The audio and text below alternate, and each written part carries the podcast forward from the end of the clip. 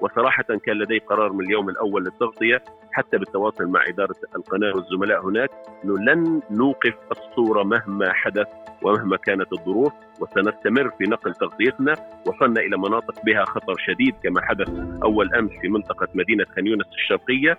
الضربات كانت على بعد كيلومترات منا وأيضا ربما لاحقا نتحدث عن حتى نقاط أخرى لاحظنا فيها رواية الاحتلال التي يقول مثلا إنه توغل في مخيم البريج اتفقت مع نهاية يعني حتى ساعات الليل كانت ضربات شديدة ثم تحركنا مباشرة رغم الخطر الشديد على مخيم البريد وجدنا إنه لم يكن هناك توغل بالمعنى الحقيقي الذي يتحدث عنه الاحتلال كصوره انتصار ووصلنا إلى أين يوجد الناس وكيف كان حالهم وكيف كانت الضربات يعني قاسية شديدة تهدف بالأساس إلى تهجيرهم من تلك المنطقة التي تعد يعني منطقة من أكثر مناطق العالم اكتظاظا بالسكان مخيم البريد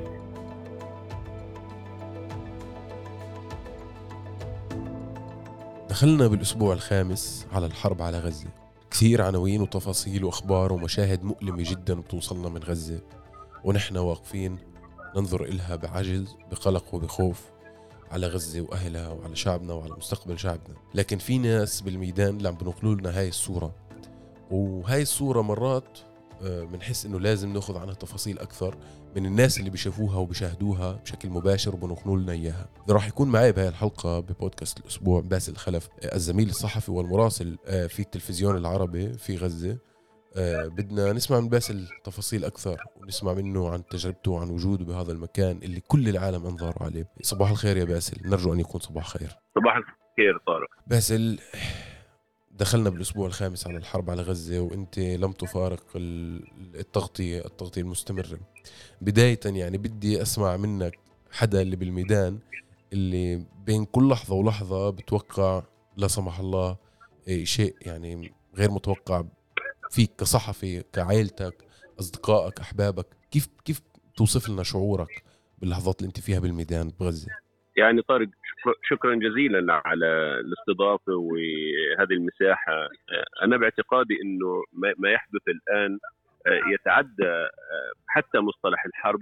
هناك أخلاقيات في العالم للحرب لكن ما يحدث هنا هو تجاوز لكل الخطوط الحمراء. الاحتلال لم يترك شيء للناس حتى يبقوا حتى على قيد الحياة ويخيرهم إما الجوع أو القتل بالصواريخ. ودعني أبدأ لك من آخر ما آه، وثقته قبل قليل آه، من حياة الناس اليومية. نحن نتحدث عن ساعات الصباح الأولى والمحال التجارية التي تقابل المشفى الذي يعني آه، نعمل من خلاله ونتنقل منه مستشفى شهداء الأقصى. دخلت المحال التجارية محل اثنان ثلاث محال تجارية كانت أمام هذا المكان.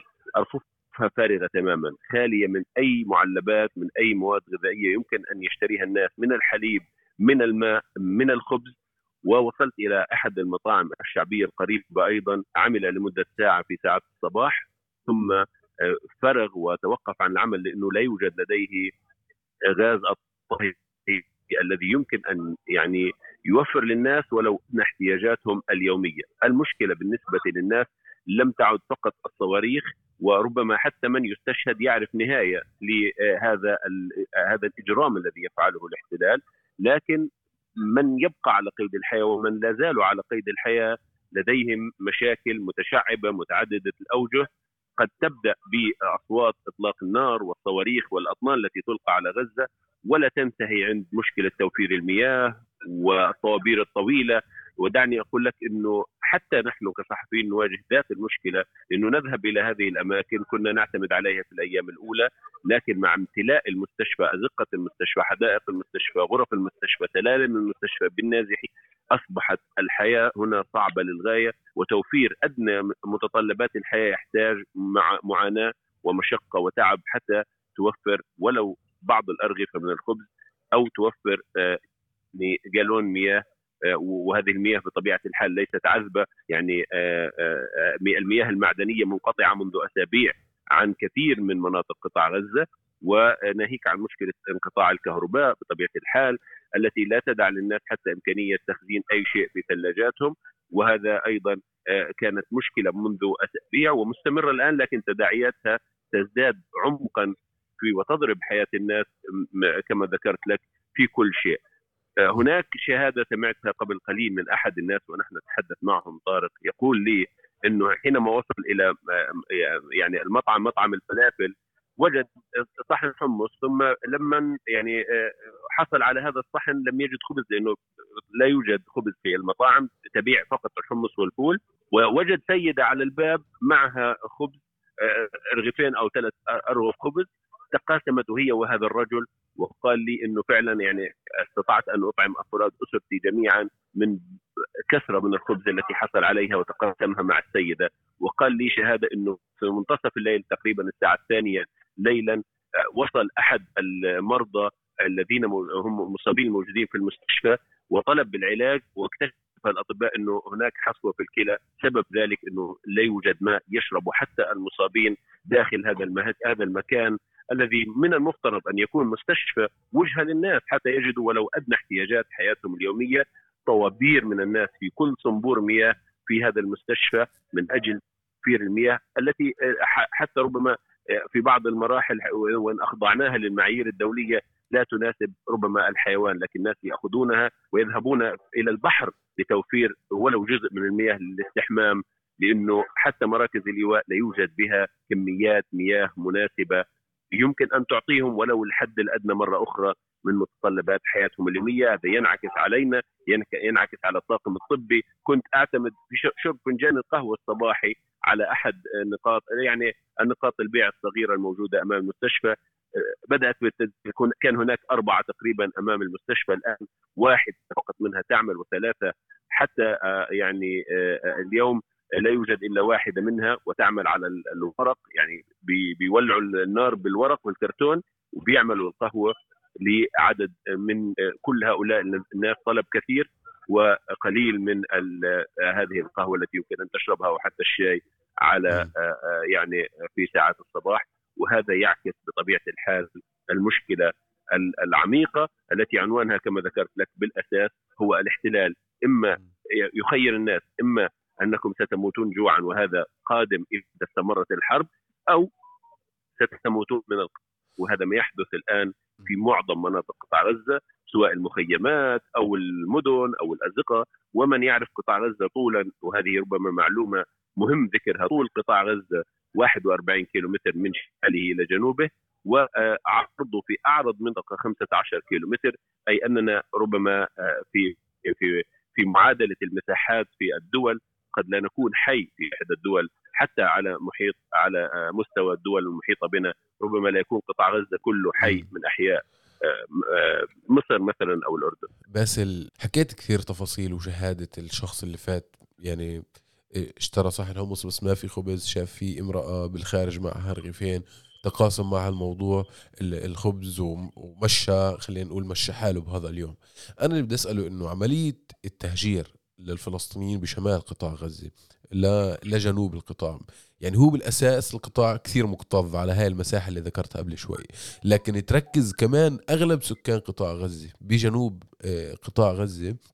آه، هذا بيخلق كمان آه، أزمة يعني فوق الأزمات اللي حكينا عنها إنه ما في مي ما في كهرباء ما في غاز أو وقود.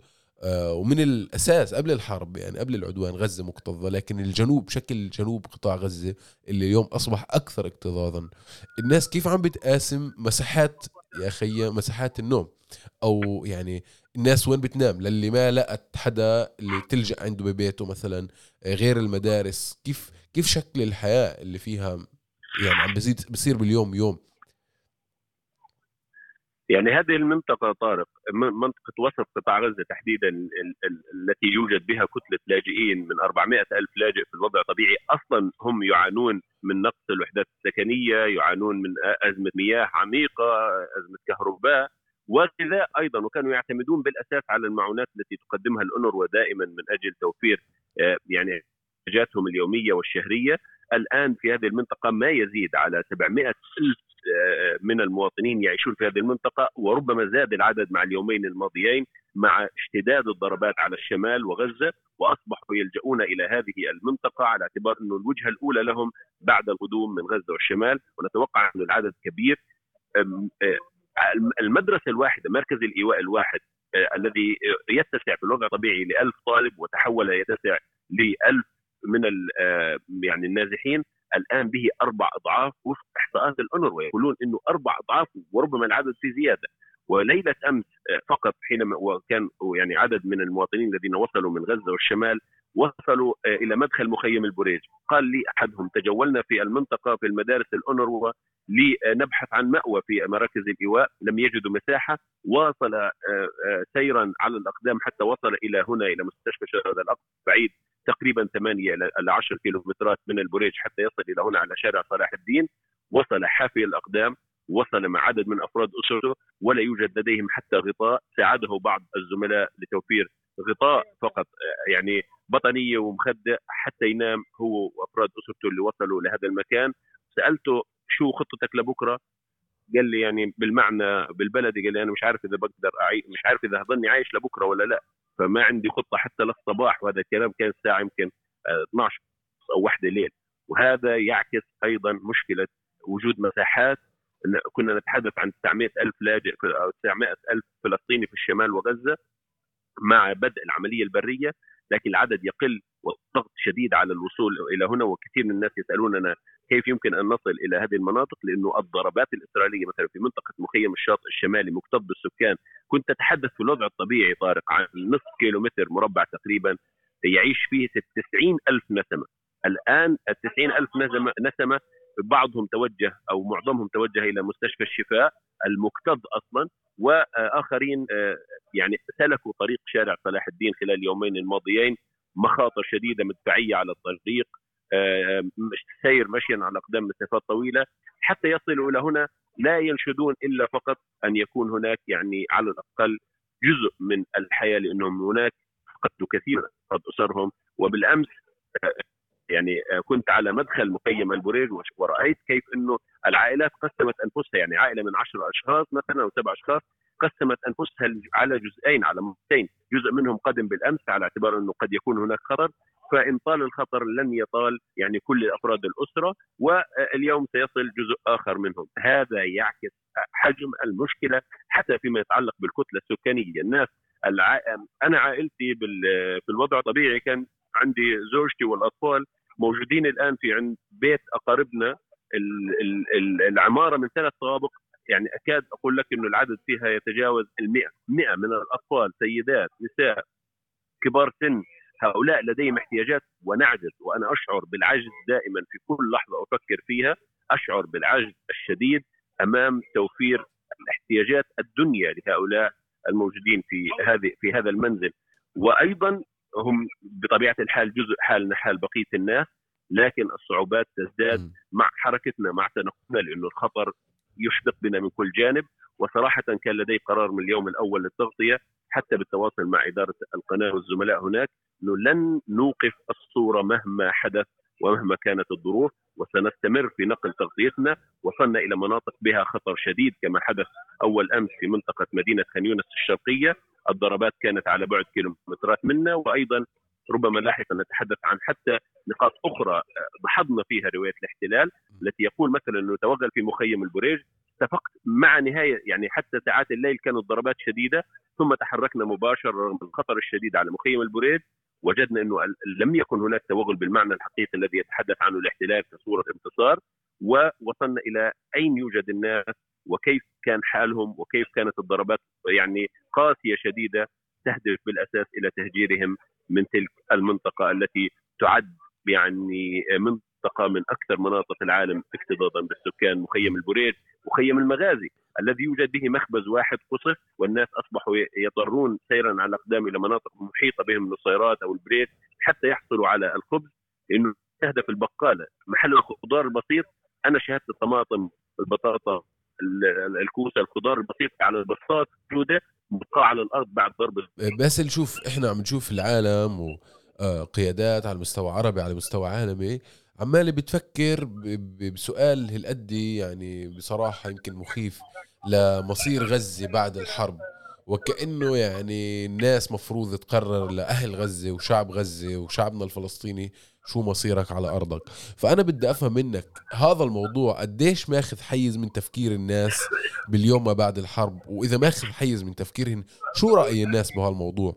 إذا بترصد هيك آراء. الآن الناس عزيزي طارق سؤالهم هو اذا اذا اذا تحدثنا بصراحة عن كيف يوفروا الاحتياجات الدنيا لهم ولافراد أسرهم كيف يتابعوا المصابين الموجودين في المستشفى كيف يشيعوا جثامين الشهداء ونحن وأنا الآن أشاهد عائلات تضع جثامين شهداء أبنائها على أمام ساحه رسم الاستقبال والطوارئ في المستشفى. وهذا هذه التفاصيل البسيطة على الرغم من يعني إنه في الوضع الطبيعي قد تكون في متناول اليد لكنها أصبحت شغل الناس الشاغل. لا يوجد اهتمام بهذه الرواية المتعلقة بماذا بعد الحرب إنه على الأقل لا يوجد إمكانية لتفكير في المستقبل. هم يفكرون فقط في ساعات ماذا سيحدث في اللحظة خلال الآنية. الليلة أو خلال فقط. وهذا طبعا يتنامى إلى ما سمعهم مثل هذه الروايات ماذا بعد من سيدير حكم غزة كيف ستكون الأمور الاحتلال عوده السلطة إذا كان هناك حكومة تكنوقراط هذا كله كله يعني يتنامى إلى ما سمعهم لكن لا يأخذ مساحة من تفكيرهم لأنه هناك شعور بالعجز لتلبيه الاحتياجات اليومية. فما بالنا إذا كنا نتحدث عن رأي ماذا سيحدث غدا وكيف سيكون شكل الحياة لاحقا. أقول لك المدارس دمرت. الجامعات الأساسية الأزهر والجامعة الإسلامية مرافقها دمرت بالكامل يعني المبنى كامل عدد من المباني من الجامعة الإسلامية والأزهر دمرت بالكامل. بالتالي سؤال الطلبة الباحثين الجامعيين الأكاديميين يعني قطاعات مثلا قبلت مواطن كان خرج من منطقة خزاعة يقول لي الاحتلال لم يدمر فقط الماضي لا هو دمر الحاضر. استمر ثمان أيام يبحث عن أفراد أسرته لأنه تركوا المنطقة في الليل مع الضربات واستمر ثمان أيام وهذه شهادة نقلناها على التلفزيون العربي. يقول ثمان أيام وأنا أبحث عن أفراد أسرتي في مراكز الإيواء حتى وجدت يعني جماعة أفراد أسرتي بشكل يعني كامل. وقال إنه الاحتلال دمر البيت حرق المزرعة التي يعمل منها كان لديه بعض الدواب وبعض يعني منطقة تحديدا معروفة منطقة خزاعة بأنها سله قطاع غزة الغذائية. دمر كل شيء هناك وبالتالي قال لي إنه الاحتلال دمر المستقبل حتى بالنسبة لي وجعل التفكير في المستقبل عبارة عن كابوس لأنه دمر البيت ودمر المصدر الدخل بالنسبة له وشرد أفراد أسرته وبالتالي شعور عجز تام يصعب كثير كثير. وهذه دائما أقولها حتى منذ أسابيع أتحدث بنفس الحوار كثير من الأسئلة قليل من الإجابات لا يوجد إجابات عن المستقبل فما بالنا إذا كنا نتحدث عن رؤية سياسية هذا الآن صعب جدا. النخب موجودون في داخل يعني مؤسسات المجتمع المدني المؤسسات الأهلية كلهم الآن موجودين في مراكز الإيواء. لا يوجد حتى إمكانية للتواصل مع انقطاع الإنترنت والاتصالات وما إلى ذلك حتى نتحدث عن بلوره موقف معين. لكن هناك في في هذا الموضوع شيء واحد كان الناس يرفضوه بشدة ويتحدثون عنه إنه نحن نرفض التهجير إلى مصر إلى سيناء بكل الأحوال غزة للغزيين ومصر للمصريين ولا يمكن بأي حال من الأحوال أن يقبلوا حتى لو استشهدوا داخل منازلهم هنا ويعرفون ثمن ذلك ويعرفون النتيجة التي حصلت مع أجدادهم أنه ربما يتم تهجيركم إلى هناك لأيام وأسابيع واستمر بحال أجدادهم في 48 حتى اليوم. وبالتالي الجيل الثالث من من من اللاجئين من الفلسطينيين الموجودين هنا يرفضون رفضا تاما أي فكرة تهجير حتى لو دمرت المنازل على رؤوسهم وهذا ما حدث وشاهدناه في المناطق.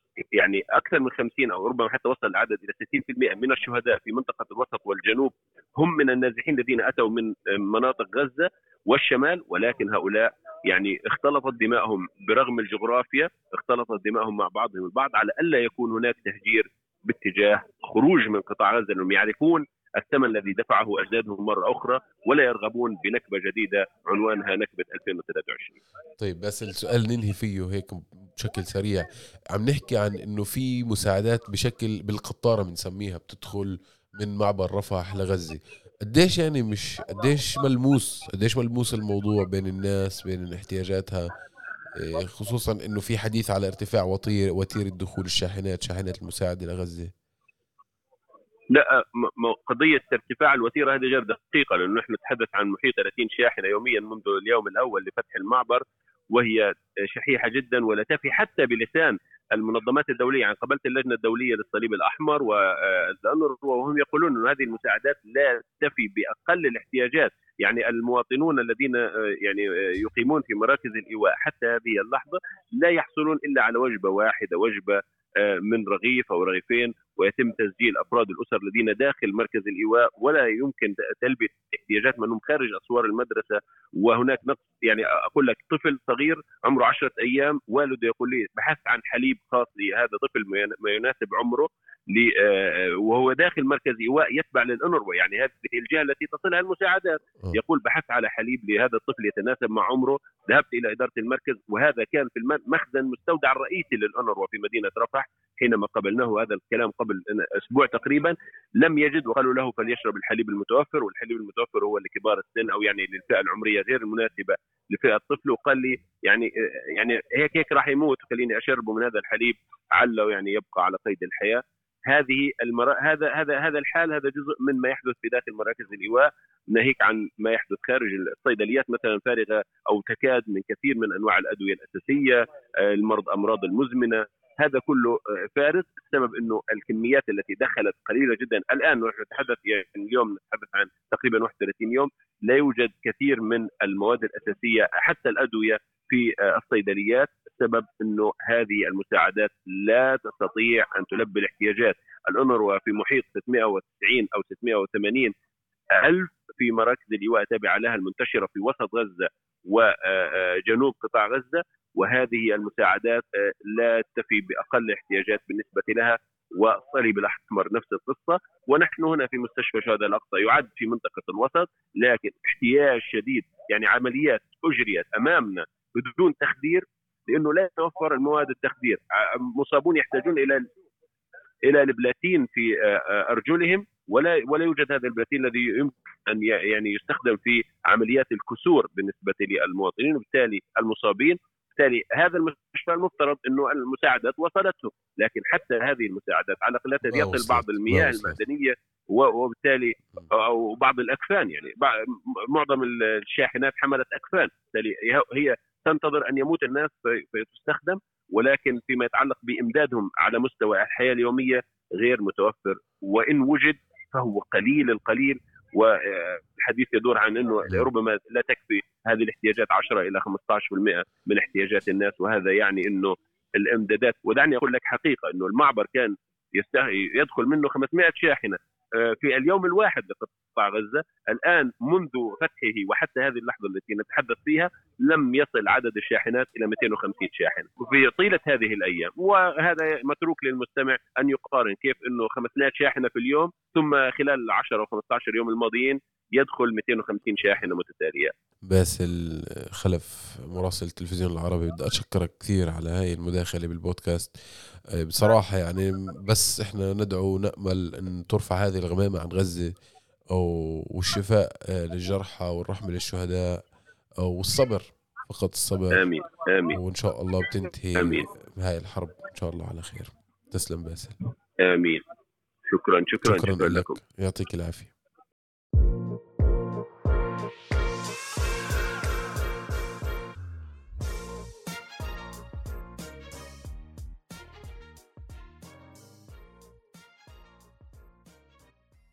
طيب أعزائنا المستمعين هيك بنكون وصلنا لنهاية حلقتنا من بودكاست الأسبوع في عرب 48 بدي أطلب منكم طلب اللي لسه ما عملناش متابعة على منصات البودكاست المختلفة Spotify Google Podcast Apple Podcast تنسوش تعملوا لنا متابعة اسا اعملوا لنا متابعة كثير بيساعدنا تنسوش تبعثوا لنا مقترحاتكم وملاحظاتكم على الحلقات السابقه وعلى مقترحات لحلقات قادمة. وللاسبوع القادم لقاء آخر.